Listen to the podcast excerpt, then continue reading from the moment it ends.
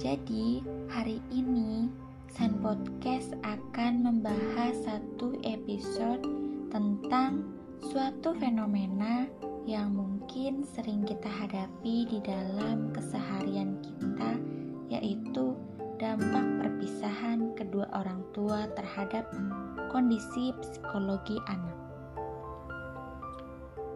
San Podcast akan memberikan cara mengatasi trauma seorang anak terhadap kedua orang tuanya yang telah berpisah, di mana anak merasa marah dan dendam kepada orang tuanya yang telah berpisah. Menurut psikologi Salihah, yang pertama,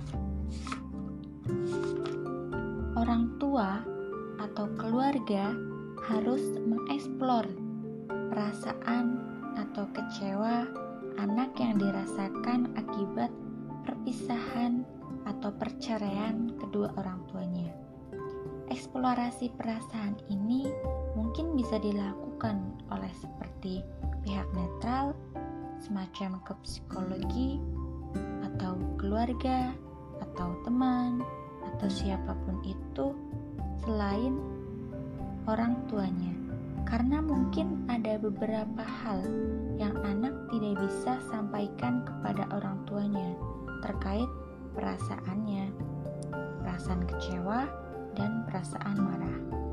Jadi, mungkin dengan pihak netral, anak bisa mengeluarkan semua emosi negatif, kenapa dia bisa marah, kenapa dia kecewa, dan pihak netral ini tentunya harus memberikan sugesti positif bahwa walaupun kondisi broken home tetapi masih banyak perhatian dan hal-hal positif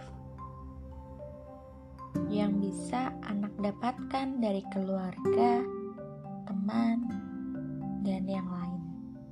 Yang kedua, orang tua juga harus bisa memberikan pemahaman dan pengertian kepada anak. Kenapa orang tua ini harus berpisah? Dengan diberikan pemahaman kepada anaknya, hal ini akan membuat si anak paham kenapa orang tuanya tidak bisa bersama lagi.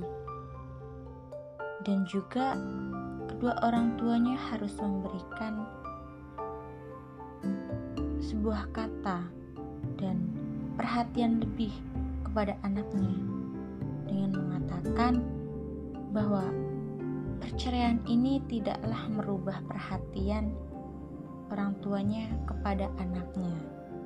Dan yang ketiga, anak harus disupport untuk mendapat motivasi dalam dirinya bahwa walaupun dia lahir atau berada dalam kondisi broken home, tapi anak ini harus punya sesuatu yang dia banggakan dalam hidupnya dan dirinya, sehingga anak harus tetap punya prestasi dalam sekolah atau punya prestasi di luar sekolah, sehingga dia tetap harus positif dan sukses.